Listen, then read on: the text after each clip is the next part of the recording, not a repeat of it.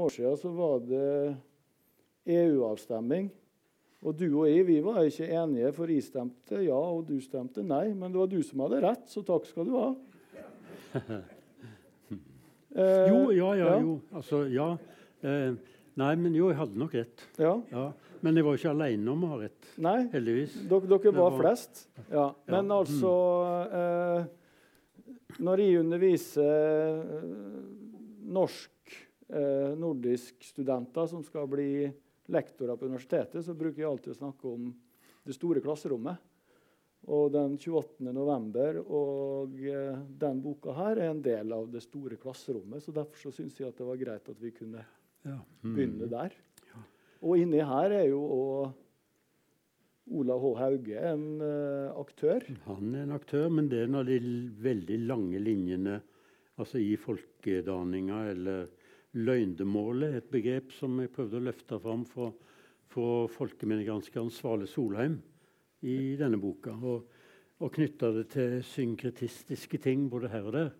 Eh, som bakgrunnen for at i Norge var det mulig å, å si nei til EU så sent som i 94. Og, og eh, forsvare det nei-et. Og det som har skjedd senere med EU, har jo vist at eh, ikke bare hadde alle de som stemte nei, rett. Ble mye, EU ble mye verre enn en noen både på, på ja-sida, tror jeg, på det, og på, på nei-sida kunne ane. Det ble i mye større grad enn en noen kunne forestille seg. tror jeg, En ren maskin for privatisering og, og nyliberalisering av økonomien.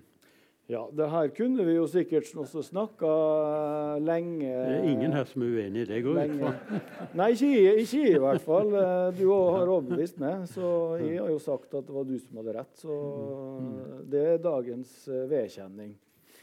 Eh, også velkommen til Bergen, eh, Kjartan Fløgstad. Altså, du har, eh, du har jo vært her før, da. Du har vært her før som eh, student, mm. og du har vært her før som forfatter, og du har vært her i bøkene dine, mm. og ikke minst i en roman som heter 'Fyr og flamme'. Og 'Fyr og flamme' altså er jo da en eh, etappe på veien da, i ditt forfatterskap, men det er også en etappe på veien mot der vi er nå i historien. Sånn at jeg hadde litt lyst til det i dag, Kjartan, at du skulle lese litt fra 'Fyr og flamme'. Ja. Eh, du har jo sagt deg villig til å gjøre det, da. Eh, det er stevnemøte vi ikke vi glemte år, men det er iallfall fjerne år. da. Ja, Og det her ble altså da skrevet for 40 år siden, i og med at vi nå Eh, er på vei inn i 2020, og denne boka kom ut i 1980. Ja. Jeg, eh, jeg, skrev den i Ullevålsveien i Oslo i en gammel det var en sånn gammel plaskedo, et rom som var om, oppe i etasjen, som de hadde i gamle bygårder i Oslo, som er omgjort til et lite kontor. Og der skrev jeg hele boka. Det husker jeg veldig godt. Og når en skrev bøker på, i de tider, så gikk en uh, til forlaget med med en stor manusbunke. I, og det husker jeg òg gikk husketuren. Og jeg syns at det var, eh, var, nok ikke, som de sier i fylket, ikke helt halvgale alt her i denne boka. Nei, og, det som, vi, nei, og det som vi nå da ber Kjartan å lese, det er altså når uh, geologistudenten Sylfes Bruhøl mm. blir henta på Fantoft mm. av det amerikanske oljeselskapet og tatt med inn til Bergen sentrum på Hotell Norge. Så vær så god. Kveldsmaten er ferdig. På komfyren står kaffen og trekket. En asjett med åpne skandinaviske smørbrød som Sylføst Bruhøl sjøl har smurt på med smør og pålegg. Det er plassert på bordet, egga putra og koagulerer på svak varme. Inn fra mørket, inn fra høstmørket, inn fra det grelle lyset i korridoren utafor kommer det en mannsperson som Sylfest Bruhell bare har sett maken til, eller kopier av på kino og i levende bilde. En mannsperson som ser ut presis som en krysning av James Bond og president John F. Kennedy. Han stikker et visittkort opp i neven på Sylfest Bruhøl, åpner munnen og spør på bra norsk om herr Sylfest Bruhøl er til stede. Petrografi og sokkelgeologi er, er, det ikke mange i Norge som har hørt om i året 1967, men noen må det være. Jo, jo han er da det. Det er Sylfest Bruhøl. Han er til Staes. Hvor skulle han ellers være? Sylfest Bruhøl var til Staes. Opp gjennom åra var denne studenten som lukka den fremmede herremannen inn på hybelen. Trekvitt og røde tekstiler, flyfoto av Lovra, vinduer mot fjellet, Løvstakken. Blitt skildra som ytre framtoning, ikke så mye med bilder fra geologisk vitenskap, som ved hjelp av botaniske vekster og utvekster som frukt, plante, grønnsak eller ugras, og karakterisert som en god pode, en nydelig nellik. Og den hadde videre blomkåløyre, ferskenhud med fregnene strødd over som kanel, brysengrynsgraut, potetnase, jordbærmunn og mandelforma kastanjeauge ramma inn av et par sterke hornbriller med sørgerne. Trolig må det mer ha vært disse enn det røde, troverdige ansiktet som gjorde at den unge geologen, som ikke bare hadde begge beina på jorda, men like ofte langt under, nede i de sedimentære lag, ble kalt for Henrik Wergeland. For noe egghov eller dikter var han svært langt ifra. Som den tilsynelatende selvmotsigende skildringa ovenfor skulle vise, så han mer ut som et ekte naturbarn.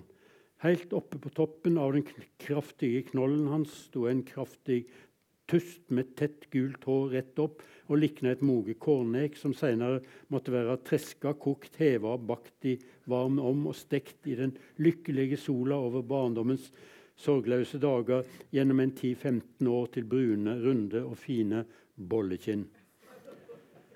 I tillegg har han en hudfarge og en muskelkraft som kompisene hans eh, med nøyaktig kulturantropologisk metaforikk karakteriserer som fiskeboller i hvit saus. Men Sylfest Bruhøl løfter armen, tar alvorlig imot neven så fram han kan by han, let sin egen hand bli ristet opp og ned, og let at døra bak mannen. Sylfest Bruhøl har vært til stede, men er det ikke lenger. For ti minutter senere står de to speilegger og kulner sammen med kaffen på komfyren, mens Sylfest Bruhøl i jakke av bevernylon sitter i framsetet på en stor amerikanskbygd leiebil og gynger sørover, innover mot sentrum av Bergen, mens han i stedet skulle ha skylt ned kveldsmaten med et glass mjølk, tatt kaffen med seg inn på skrivebordet og gjennomgått og renskrevet notater fra professor Nils Henrik Kollerups forelesninger i økonomisk praktisk geofysikk til høyere grad, eller øvingene i petrografi og tektonikk for kollokviet til lektor Askvik. I mellomtida har Sylfeld Bruhell svart stadfestende på absolutt alle spørsmål, bortsett fra spørsmålet om han har ete til kvelds. Han har kledd på seg, rydda bordet i all hast og uten å registrere det, lytta til den franske komponisten Erik Satis musikkstykke 'Gymnopédie' fra naborommet, samtidig som bydelen Minde blir passert, Paradis, Fanehallen ved den gamle bygrensa, Brann stadion blir passert, Danmarks Plass med Forum kino og Solheimsviken med Bergens Mekaniske Verksted, samtidig som Nygårdsbrua over til Florida og inn til bykjernen blir passert i en komfortabel leiebil som uten å ta det minste, i det minste ligger klistra til fartsgrensa. Da føler Sylfest Bruhøl at grunnen holder på å gli vekk under, en, under han, eller at det er han som glir og glir på et underlag som er sprøyta glatt med olje, og at denne bilen, den anonymt elegante bilen som bremser fjørene lett ned mot rødt lys i krysset Lars Hilles gate, Strømgaten i Bergens gamle bykjerne, eh, med en vennlig og velkledd herremann ved rattet, at denne bilen ikke kjører han for studentbyen og inn til Bergen sentrum, men kjører Sylfest Bruhøl for et liv, et liv og inn i et helt nytt et og ukjent som tar til, til i de glassdørene på Hotell Norge, som er navnet på det bergenske prestisjehotellet, glir usynlig på plass bak han, og Sylfest Bruhøl blir ført inn i resepsjonen med uniformerte bukk. Og Sylfest Bruhøl kan ikke årsake seg med at han blir ført bak lyset. Han er lyset, han er lyset sjøl, han er skolelyset som mange andre vil bli ført bak. Som en vanlig arbeidergutt har Sylfest Bruhøl først og fremst levd geografisk innenfor grensene av landet Norge.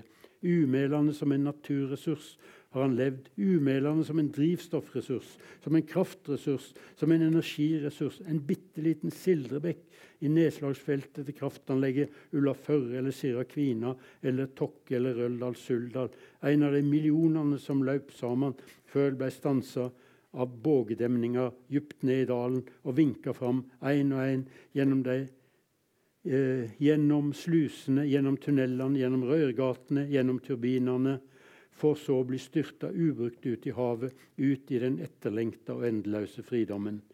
Ja, mange bekker små gjør sto å, som det sto på sparebøssa til barnet Sylfest Bruhøl. Nå har han blitt en av de utvalgte småbekkene i tilsiget. Han var sluppen gjennom slusene for å bli kverna i turbinene til marknadslovene. For den norske geografien og det norske landskapet tar Sylfest Bruhøl også sosialt steget inn i den norske statsdanninga og videre like inn i det multinasjonale verdenssystemet. Sylfest Bruhøl steig inn i resepsjonen på Hotell Norge og ble helsa hjertelig og seremonielt velkommen av admiralen som passa på at ingen uverdig fikk komme inn gjennom glassdørene som sakte glei igjen bak Sylfest Bruhøl, fram til den øyeblinken da disse usynlige stengsler av gjennomsiktig glass glir igjen, har Sylfest Bruhøl levd et liv som ikke skiller han vesentlig, men heller knytter han sterkt til et flertall av landsmennene hans fra samme generasjon. Og her har du sett en gul lapp, så jeg tror det her Tusen skal takk. Ja. Tusen takk. Ja. Takk. Ja, det var stevnemøte med glemte år, men uh, mange har lest det der før. Og hvordan er det da å lese det 40 år etterpå? Jo, Hvordan har det gått? Det gikk det ikke så bra med Sylfes Bruhøl. Hvordan har det gått med oss andre? Jo, vi har også det jo gått glimrende med. Ja. Det, Det, altså, det som Sylfes Bruhøl har stelt i stand, da, har jo ført til at eh, velstanden har eksplodert, som det ville hett i, i, tabloidavisene. Og, og altså Norge er blitt helt forvandla. Eh, Sylves Bruhøl, eh, slik han blir skildra i denne boka, for, eh, og slik han var på 60-tallet, han hadde ingen planer om at han skulle bli det han ble. altså altså internasjonal businessmann. Han trodde han skulle bli lektor på, på Bryne landsgymnas. Det var liksom det, kanskje det aller største. Og kanskje på Sauda reale gymnasskole, nei, gymnas eller noe slikt. Det er jo litt interessant da at uh, din uh, må jo si, rogalandskollega Øyvind Rimbereid han skriver jo om uh, da Jesus sklei i olja. Uh, Sylfest Bruhøl han ser hvordan det glir og glir og glir under han på et eh, oljeglatt gulv. Eh, så det er jo erfaringer her da, som spilles ut i ulike litterære former. Men vi skal jo komme oss videre fram mot due og drone, da. Eh, f, eh, og vi er på vei dit. Og jeg har tatt med meg jeg, altså, jeg, jeg har vært i boden og tatt med meg et par artefakter for å skal vi si, sette stemninga. Uh, her har jeg en, eh, et, ikke et plastnett, selvfølgelig. Det er et veldig miljøvennlig uh, uh, nett fra Universitetet Gdansk. Og artefakt nummer én det er en grønn beret. Litt støvete. Fred og krig er det satt på der. Artefakt nummer to, det er den her. Du kan jo fortelle hva det er for noe. Det er en bajonett. eh, Kan få se på den. Ja, Ja. Den, den skulle vel kunne festes til geværløpet, men jo, her. Du kan sette den på der, tenker Ja. jeg. Ja. Mm. Det Jo, er, det, men det, det er nok ikke standardbajonetten til Garangen, tror jeg. Det er nok en moderne, eller en, kanskje til og med en østeuropeisk en det her er ikke arrangert. eh, Men altså, eh, da jeg var stipendiat i nordisk litteratur, så hadde jeg et forskningsopphold i Greifswald, på grensa mot Polen. Jeg var der nede. Jeg var jo gammel Nato-soldat, som du har vært. Eh, Og min medsoldat han var gammel soldat fra, altså, fra Warszawapakta. Og da jeg dro derifra, så sa han her Hemming, her skal du få verdens beste kniv. Og det er fra en AK-47, en Kalasjnikov. Uh, og jeg er litt sånn nervøs for å si det her, men, uh, for det, det, kan virke Det skal liksom ikke settes som sånn macho-stemning, men bajonetten har jo en funksjon i duo og drone, da. Ja. Mm. Uh, I høyeste grad. så Sånn sett så er det jo med her. Men det er også det er noe generasjonsspesifikt. da. At den, er, den erfaringa som ja. du og meg deler, og som færre og færre deler. Ja. ja. Mm, og Mm. Som før. Willy Dahl, født 1927, han var i Tysklandsbrigaden. Mm. Så, her har det, så her har det skjedd noe. Og her er det også da, skal du si uh, erfaringer som, uh, som, som, blir borte på veien. I uh, Det sjuende klima skriver du om dur, duren fra den andre sida. Mm. og det er jo da fra andre sida av grensa til Sovjetunionen. Og på veien da fram mot, eh, fram mot eh, due og drone så har jo du da skrevet bøker som U3, spionroman, som eh, har et jagerflypanser, aluminiumspanser, på sin bokfront. du har skrevet terrorromanen 'Fimbul'. Mm som kom i 1994. Da man var glade for at historien var slutt, men du var ikke så veldig glad. Ikke i den romanen her, i hvert fall. Jo, glad, glad, men jeg trodde ikke noe på det. Nei. Nei. Nei. Uh, det er tydelig. Og så har vi jo da uh, ikke spionen som kom inn fra kulden, Grense Jakobselv fra 2009. Og når Frode Berg sier at uh, etterretningstjenestene overalt i Sør-Varanger, så forekommer det at denne romanen her er ganske aktuell. Ja. Eh, jo da. Nei, det, eh, når du spør slik, så fører det jo meg til å først nevne at en god del av de erfaringene som har ført til de romanene etter 'Fyr og flamme', da, og som handler om fred og krig og duer og droner og slik, de skriver seg på en måte fra at jeg bodde fem år i, i Bjørnvatn ved Kirkenes, altså i Sør-Varanger kommune, to kilometer fra russegrensa eh, midt under den kalde krigen på 80-tallet. Og hadde nær kontakt med Sør-Varanger eh, hele tida etterpå.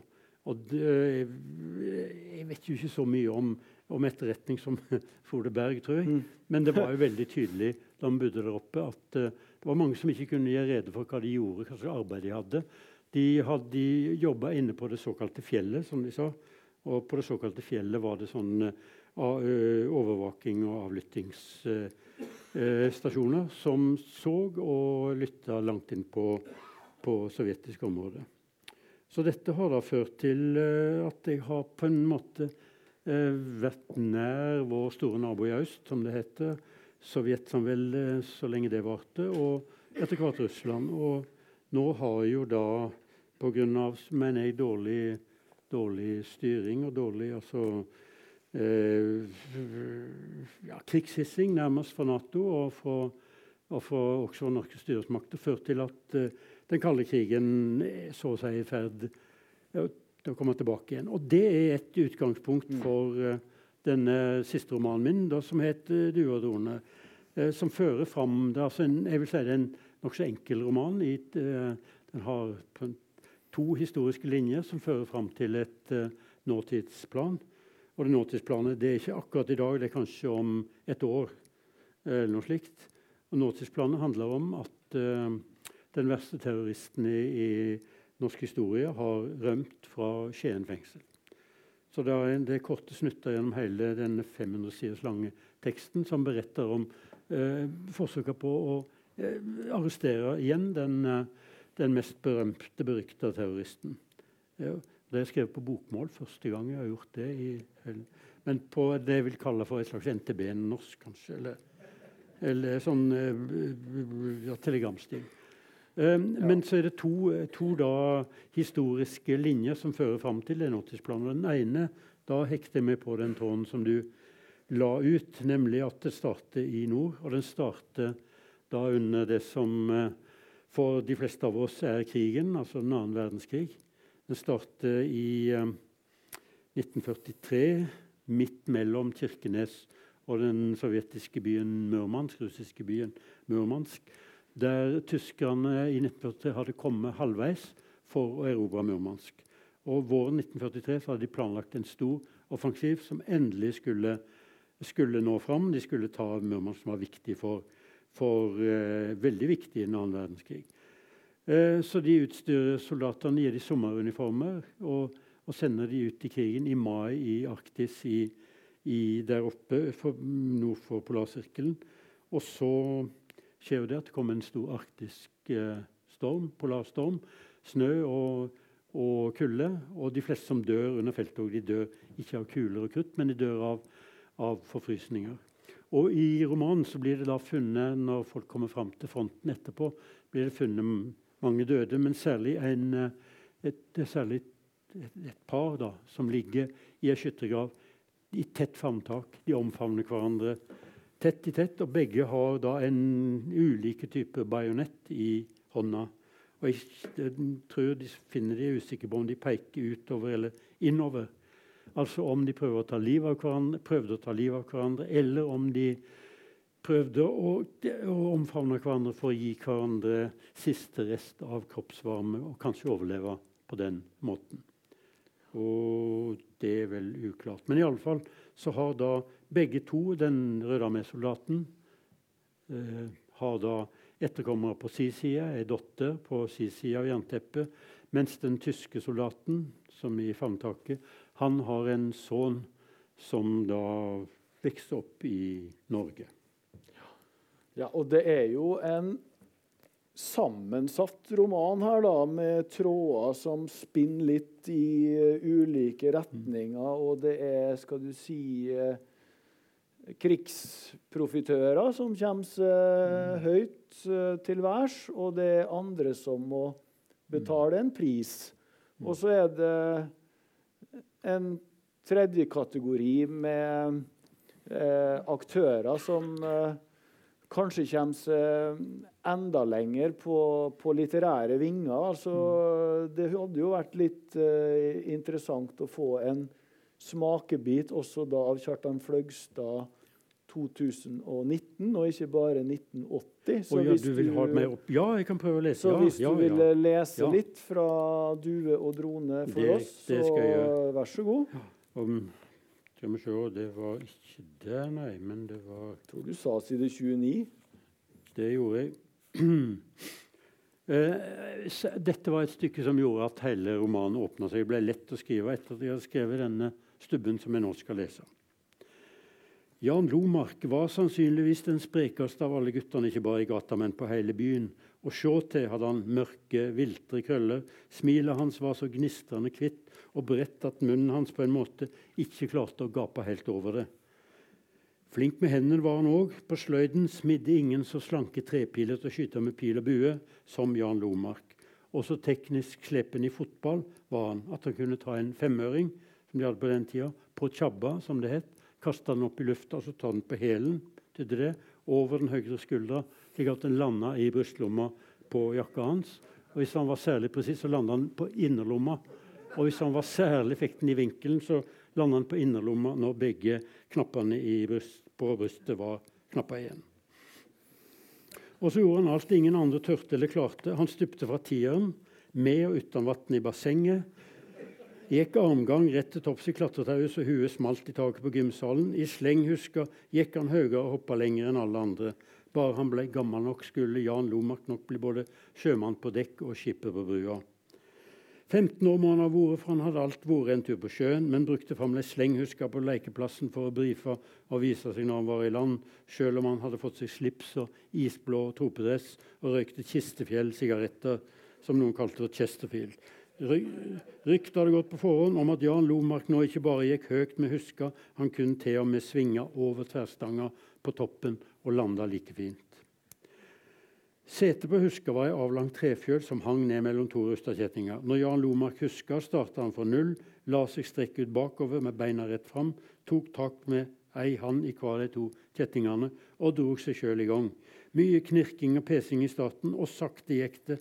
Men han kom i siget, auka farten, gikk høyere både fram og bak. Høyere og høyere, høyere enn høyt. Alle venta at Jan Lomark skulle huske over tverrstanga på toppen av stativet og komme ned igjen til oss vanlige dødelige på den andre sida.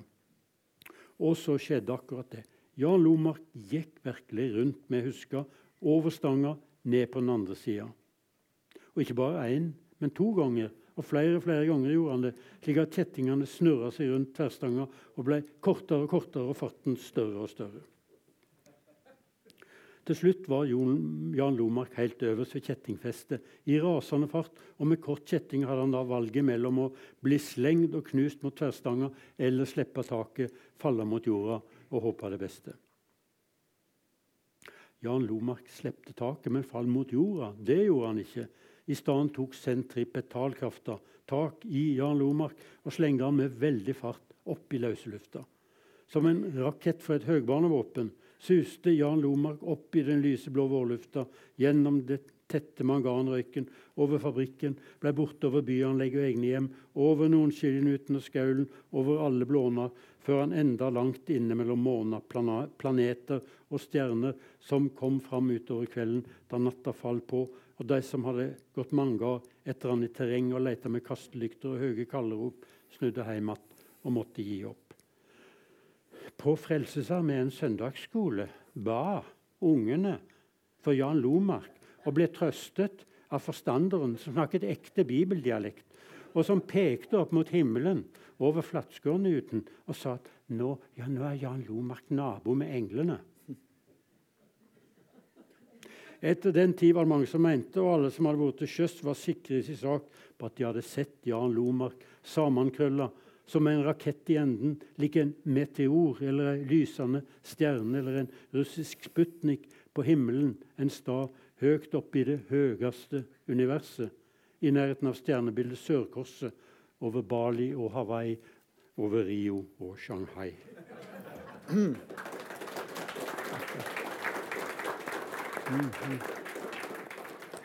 Ja, Kjartan. Du begynner på et vis her.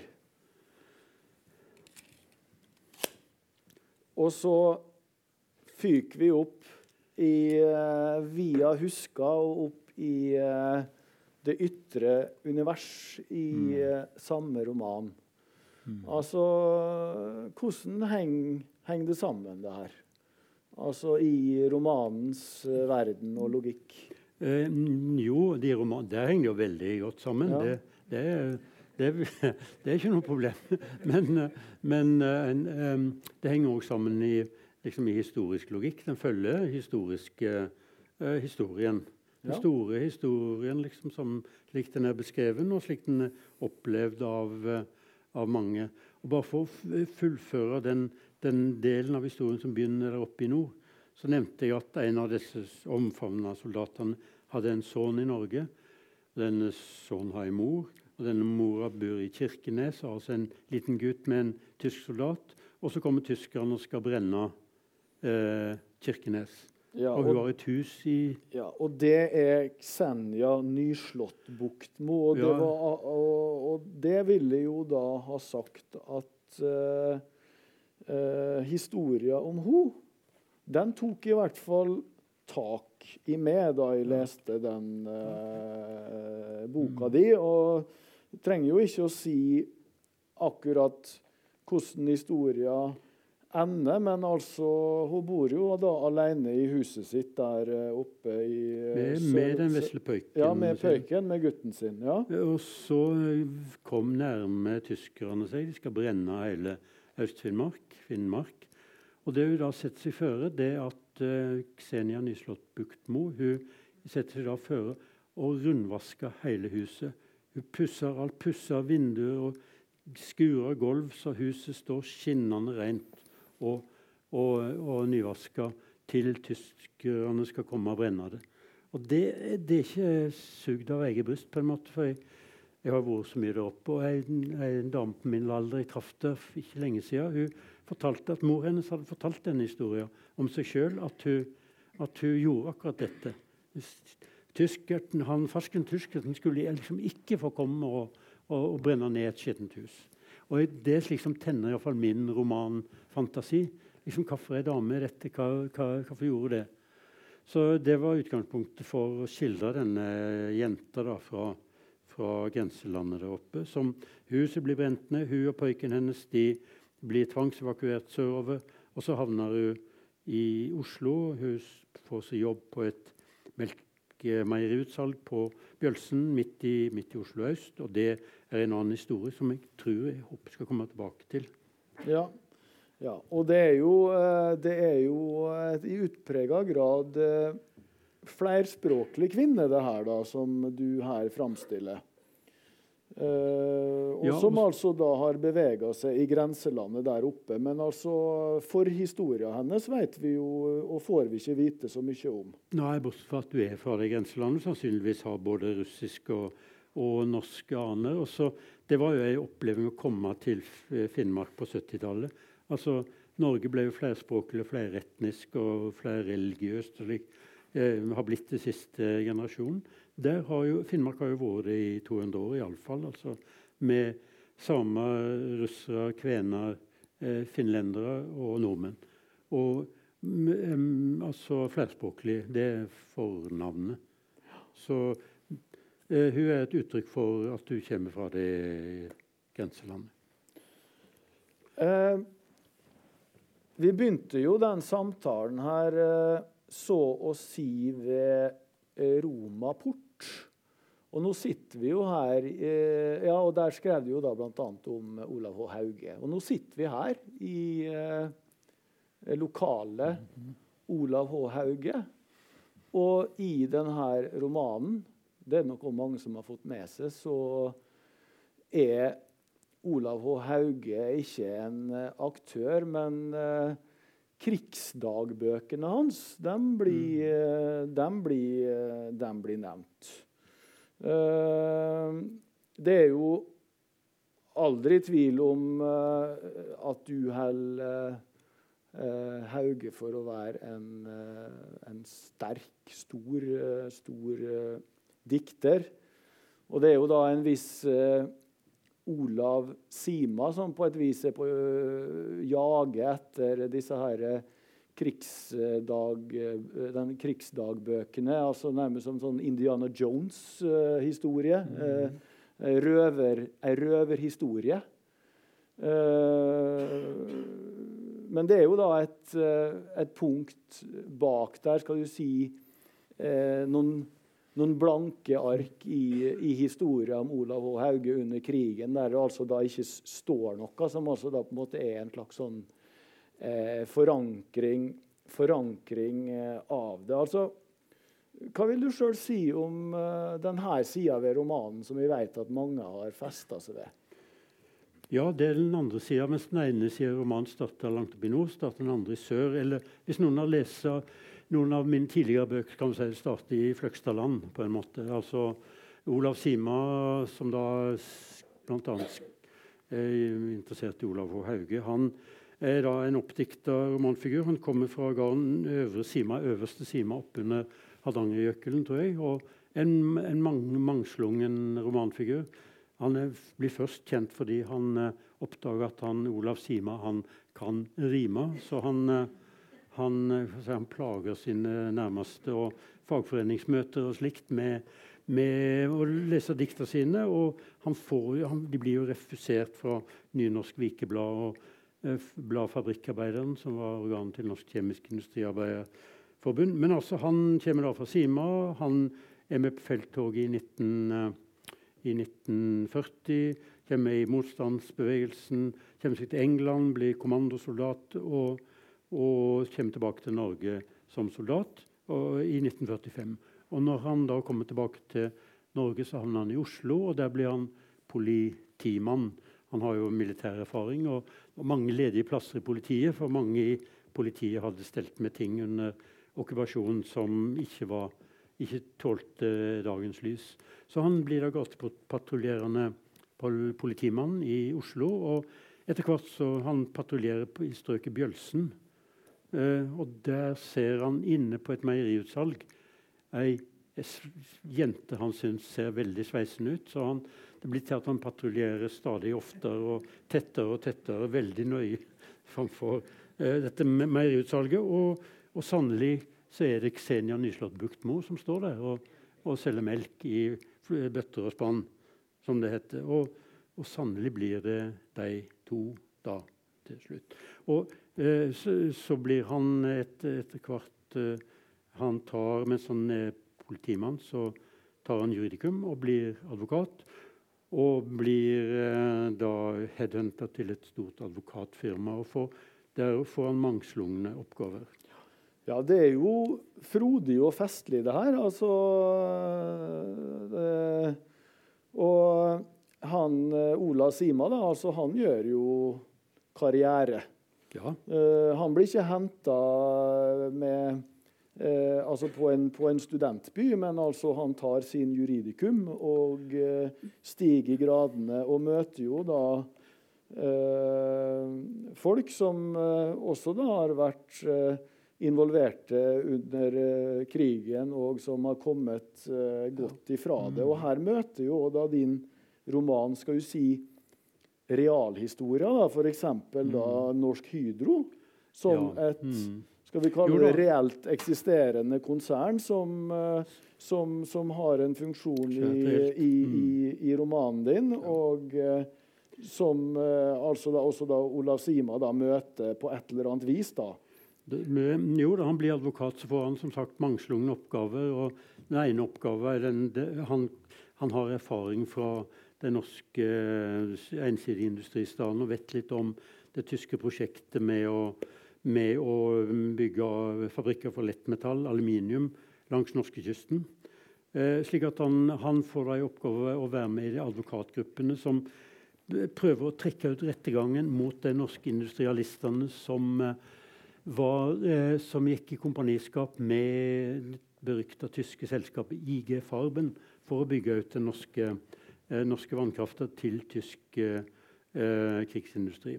Og Mange av disse de ble jo etterforsket etter krigen, men så var det jo slik at, at eh, hvis etterforskninga trekte ut, og det tok tid før rettssaka kom i gang, så ble gjerne eh, straffene ganske milde. eller ble, eh, det ble fra, eh, tiltale ble frafallen. Og med dette jobber da Olav Sima.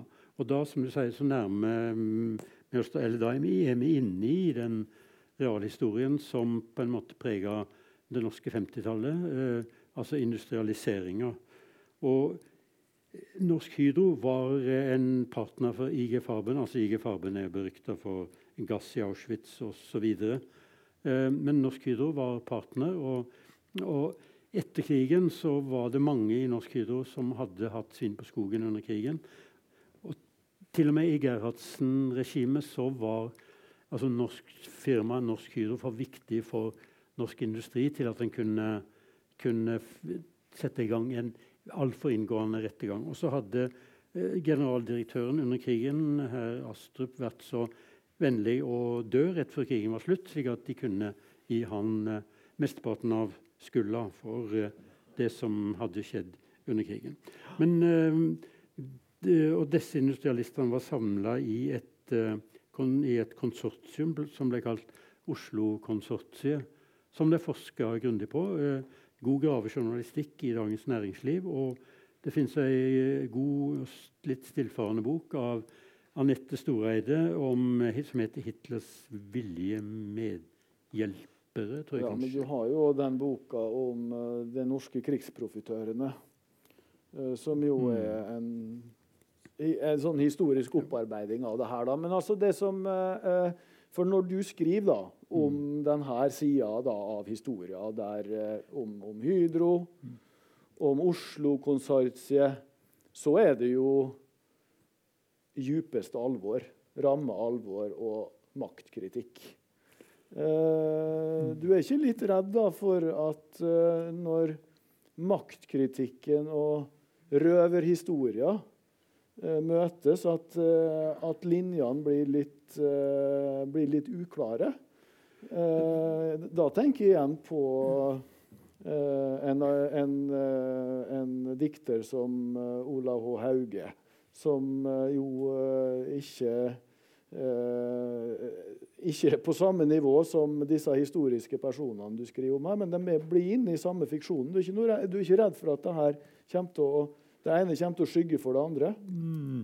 Nei, det over jeg, det, altså Jeg kan være redd for mye her i verden, men det er jeg nok ikke redd for. Nei. Det overlater jeg for å si det sånn, trygt til leserne å, å skille snørr og bart og, Ja. og i så måte. Um, mm, nei, altså, Dette er jo en roman. da, ikke sant? En kan jo, og en kan ikke skrive romaner om Oslo-konsortiet. En må skrive, Hvis en skriver romaner, så må en prøve å skrive om folk som blir, enten blir ramma av, eller som er knytta til historiske ovringer og hendinger, som f.eks. Oslo-konsortiet. Krigen, gjenopp, gjenoppreisninga. Folk som lever i dette, og som eh, uttrykker det å leve i, i denne reale historien gjennom sine historier. Og der har romanen da den fordelen at den kan være uhørt på en annen måte enn en, eh, realhistorien. Eksempel I denne romanen kan det, stå, kan det stå en setning som at ja, de der i Oslo-konsortiet som de kunne realisere verdiene sine eh, ved å gå inn i, inn i naziøkonomien på 40-tallet. De kunne de realisere på 70-tallet. Og da gikk de fra olje i Auschwitz til olje i Nordsjøen. Og det, jo- det tror jeg ikke mange eh, hi- re- såkalte realhistorikere kan, kan skrive. Og så er det, sant, Jeg bruker jo òg si, satiriske virkemiddel. Det er um, en, en figur som heter Hege Bostrup, som blir kalt Kege-Hege, og som da blir eh, spaltist i avis. Det kan kanskje gjette hvilken avis hun blir. Blir spalt, eh, spaltist i avisa VG. altså Kege-Hege i VG blir en veldig eh, nærmest uh, Han blir en respektert spaltist, byline i avisa VG, før hun da får et tilbud. For hun må slutte, altså Avisene blir jo skrevet av 19-åringer, så hun blir 22. Da må hun slutte. Hun blir for gammel. Og, og da, da får hun valget om hun kan gå inn i, i en eh, kan, Hun får et eksistensielt og politisk valg mellom å gå inn i to ulike tenketanker. Den ene tenketanken ten, tenker litt høyreorienterte sentrum-venstre-tanker, og den andre tenker litt venstreorienterte sentrum-høyre-tenketanker. Så det dramatiske valget må, må eh, Kege-Hege eh, Bostrup eh, gjøre. Slike ting eh, eh, kanskje dramatisere la oss si, politikkens forfall eller offentlighetens forfall. Eller at eh, kanskje de to tenketankene En tenketanken heter Norsk Arbeiderparti, den andre heter First House. jeg vet ikke. Men du, Ja. slik kan du uttrykke det på, på romanens vis. OK. Uh, jeg tror vi skal la det her Haugesporet ligge nå, i hvert fall. Men altså, vi, uh, den eh, vi, vi, får, eh, vi får håpe at leseren eh, merker seg Hydro eh, Nei, men, mer nei, men jeg vil gjerne eh, snakke om Haugesporet Ja, òg. men- ja, du men- får, får ikke lov. Nei, men nå, eh, Vi har jo blitt bedt om å snakke om eh, eh, fred og krig. Ja. Og det fins jo altså eh, fred også her i eh, Due og Drone. Eh, diktet 'Siste reis' på side 387 her. altså Du trenger ikke å lese det. Nei. Men det blir da fulgt, fulgt av et eh, lausark for seg sjøl, står det. Uh, og det Et laus? Et ja lausark, uh, et lausark for seg uh, Som forsvinner hvis du åpner boka litt Ja. ja, fort.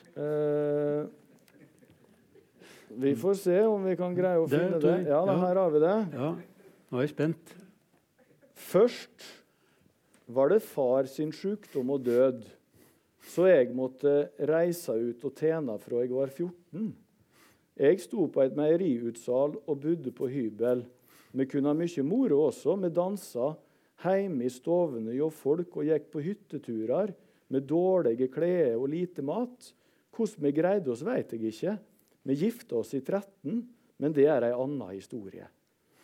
Altså, Midt inni denne eh, romanen så ligger det da et sånt lausark der ei kvinne forteller om noen uskyldige minner. Det var ikke noe erotisk, skriver hun blant annet her. Altså, her opplever vi virkelig at det er et, et fredelig sted i denne romanen. Altså øh, Hva vil du sjøl altså, den, den, den, den, teksten her er jo øh, Kanskje er det et laust ark? i jeg veit ikke. Altså, Nei, ikke du kan jo vil, du, vil du fortelle oss noe om det? Eh, nei, men det, når du leser slik, det er jo et frampeik eller tilbakepeik til Ksenia Nyslått Buktmo. Ja. Altså, Meieriutsalget spiller nok en rolle her, da, ser Ja. det ut som. Ja.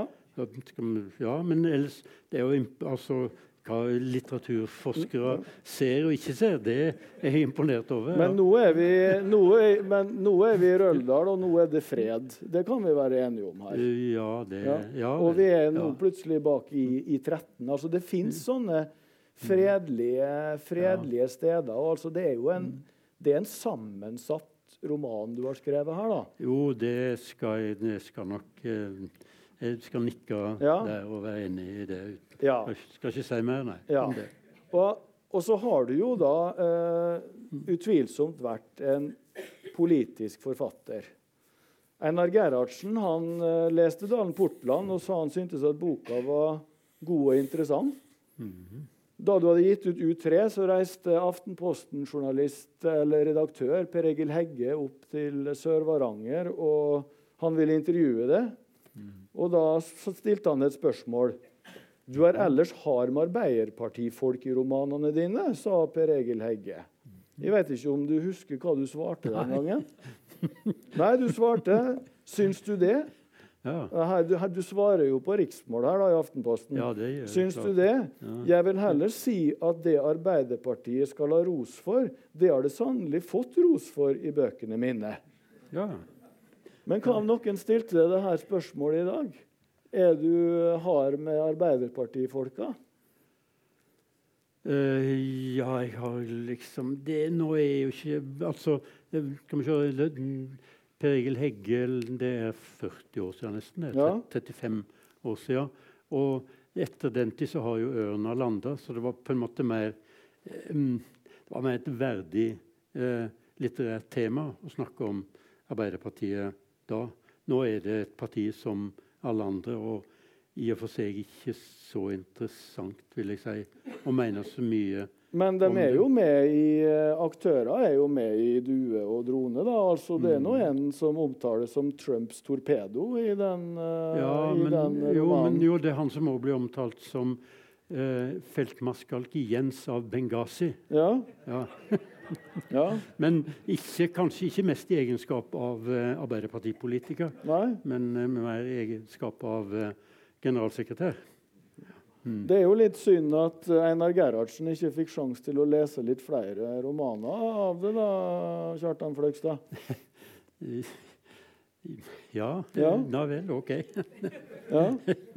Ja, jeg det var det, Ja, kan du omformulere spørsmålet? eller? Ja, altså eh, i, og, I og med at eh, du ikke ville eh, stille deg helt bak eh, at eh, du hadde vært en kritiker i, eh, i, i, i 1983, da, men altså tida har jo forandra seg her, da. Jeg spør, spør om jeg sympatiserer med Arbeiderpartiet? nei, nei, nei, nei, nei, jeg syns- stiller ikke syns det ikke- spørsmålet. Nei, altså Nei. I, no, i politisk spørsmål så er jeg blitt, blitt helt umulig. Jeg er liksom left of left, som det heter på, Ja. på amerikansk. Eh, Da du hadde fått Nordisk råds litteraturpris, da ble du intervjua i radio av Olav Vesaas. Og nå skal jeg ikke Det er ikke noen muntlig eksamen her, men altså Han spurte det. Om du er ikke redd for at politikken skal sette grenser for fantasien, for fabuleringsevna di? spurte Olav Vesaas. Og det må jeg si at det har gått ganske bra. Det syns jeg har gått helt eh, Ja. greit. Helt greit, vil Ja. jeg si. det har gått. Men hvis vi omformulerer det litt, da. Altså, Hvordan er det å nå fram politisk gjennom fabuleringsevne, gjennom kunst og litteratur, Ja, mm. og også da Ja. i ei bok som 'Due og drone'? Er det et relevant spørsmål å er Det er viktig og relevant spørsmål eh, som ikke er lett å svare på, fordi at verknaden av eh, skjønnlitteratur er heldigvis eh, uoversiktlig og kan være langvarig. Og eh, det som manifesterer seg i løpet av en bokhøst, behøver ikke å være det som eh, er resultatet av en, av en, bok eller et litterær innsats. Så der er jeg, der er jeg ganske Og kanskje ut fra erfaring ganske eh, Ser ganske lyst på det, rett og slett. Altså at eh, blir ofte faktisk minnet om den dag i dag om eh, ting jeg har skrevet i Ikke bare du som har studert dette så grundig, men av eh, så, det som i forlagsbransjen heter ekte folk, altså vanlige lesere, som melder tilbake og har blitt prega av eh, ting de har lest både hos meg og hos andre.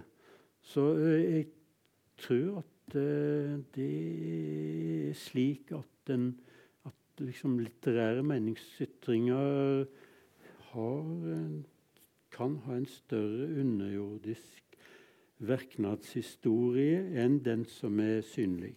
Ja, ja, for altså det er klart at du har jo hele tida en en litterær ambisjon, men det ligger mye maktkritikk her inne i Due og drone. da. Jo, men jeg, jeg ser jo ikke noen motsetning. Nei. Um, uh, Brist sa at uh, litteratur skulle underholde i innsikt, og jeg syns begge deler er ålreit. Ja. Altså, og, og vi er i vi er i nordområdene her, altså innledningsvis i, i hvert fall. da. Altså når, i, i, norsk sammenheng så er jo du en, eh, en vestlandsforfatter. Men hvis vi ser det i, litt utafra, så er du jo i veldig stor grad en arktisk forfatter. Ja. Eh, U3 eh, Det sjuende klima. Mm. Eh, Grense Jakobselv, Nordøstpassasjen, Magdalenafjorden ja, ja, ja. nå, Due og Drone. Ja, det kan du si. Ja, altså mm. eh, Kan du si noe om hvordan du bruker landskapet for å, holdt på å si, og geopolitiske spenninger for å, for å mm. lage diktekunst? Da, og, og, og, og, det her nordlige, altså det, det er helt klart at eh, Internasjonalt så må det være eh, viktigere enn den lokale øst-vest-konflikten, eller spenninga i Norge, som også er viktig her. da. Ja, nei, Kanskje vi får begynne med et ordspill. da. For, ja. um, når jeg har vært i Latin-Amerika og skal snakke om bøkene mine, så der er jo ordet eh, realismo magico, altså art, magisk realisme. Eh, en frase, og jeg har da omtolka den. Når de spør skriver du um, magisk realisme, sier jeg nei, jeg skriver realisme artico. uh, men um, Nei, det, det, er jo en, riktig som du sier. og ja, Jeg har jo ikke tenkt slik i sammenheng. Men det henger men sammen. sammenhengen er jo der, da. Ja, du er ikke sant, enig i det. Og, ja. og, den sammenhengen ble jo, ble jo for meg tydelig. og og manifest og uttrykt i bøker og litteratur gjennom at de har bodd der oppe og har, uh, har, så gode kontakter og er knytta til det.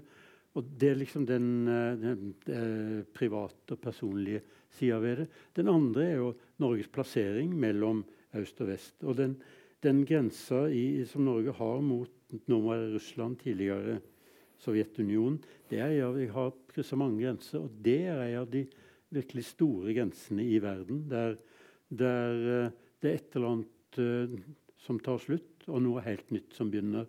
Språklig, politisk var det lenge, ideologisk, religiøst, uh, etnisk. og Det er liksom en helt annen verden. Så det, det er et grenseområde som er eh, sterkt lada av spenninger. Både politiske spenninger, slik som nå, men alle slags spenninger som jeg syns gjør det til et fabelaktig område å beskrive. Og fra akkurat den, Det er jo ti mil bare, den grensa. Det, det, eller noe slikt. Eh, men fra den, grensa, den grenseerfaringa så har jeg liksom skrevet om Jeg har skrevet om Sibir, og der jeg har vært, og skrevet om Svalbard. Magdalenefjorden er en Magdalenefjorden, fjord, fjord på Svalbard. Og Nordøstpassasjen fra Sibir. Så er det liksom den grenseerfaringa tror jeg vil kalle den stå, har ståla ut i bøker av ulikt slag, og også i Duardone. Altså, Vi begynner å nærme oss slutten på denne samtalen. Eh, du var student i Bergen. Du hadde den gang eh, stipendiat eh, Atle Kittang som, som lærer. Han mm. leste bøkene dine. Han skrev om det i Norsk biografisk leksikon i 2009. Mm. Det var noe det mm. siste Kittang skrev. Eh, dere var ikke enige i alt og kryssa jo litt klinge òg, men mm. det var stor eh, anerkjenning da, fra Atle Kittang der til, til, til, din litteratur.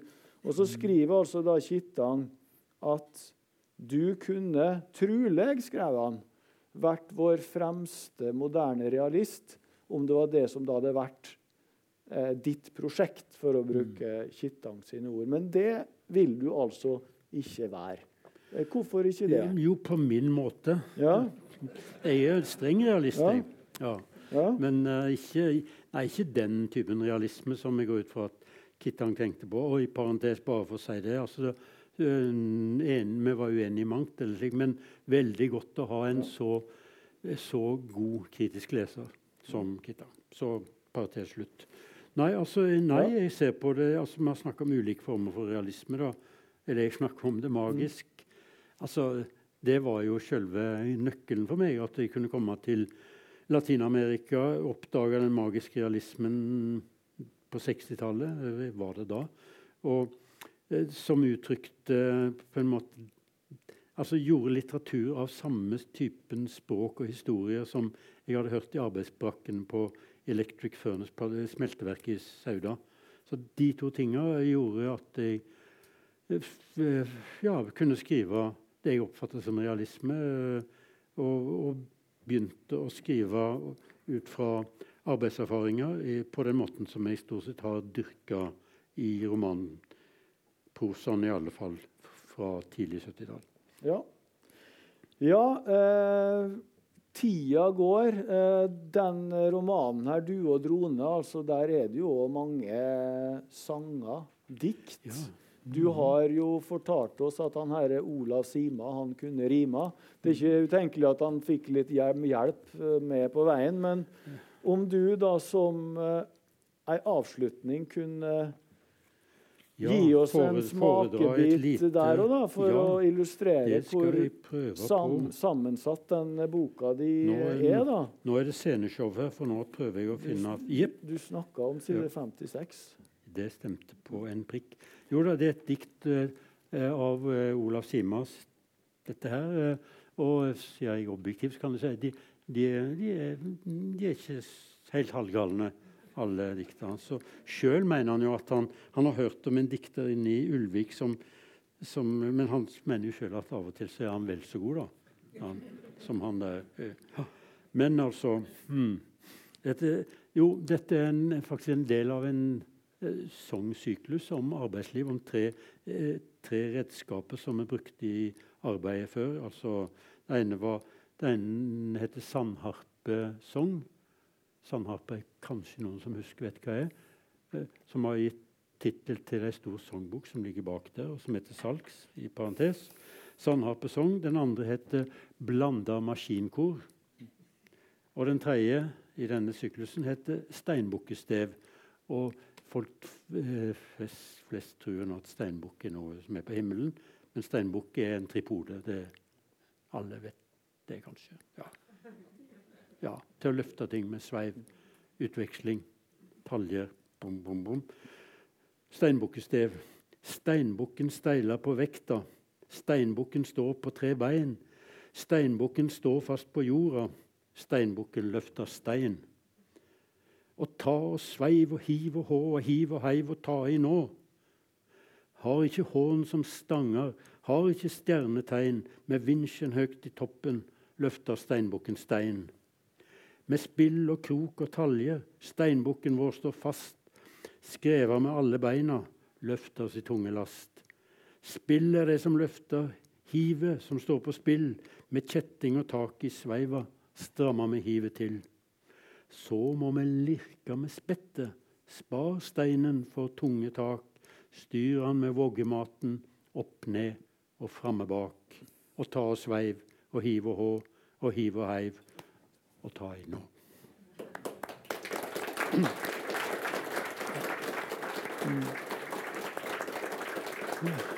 Eh, Ja, tus, tusen takk til Olav Sima, som hadde skrevet det diktet.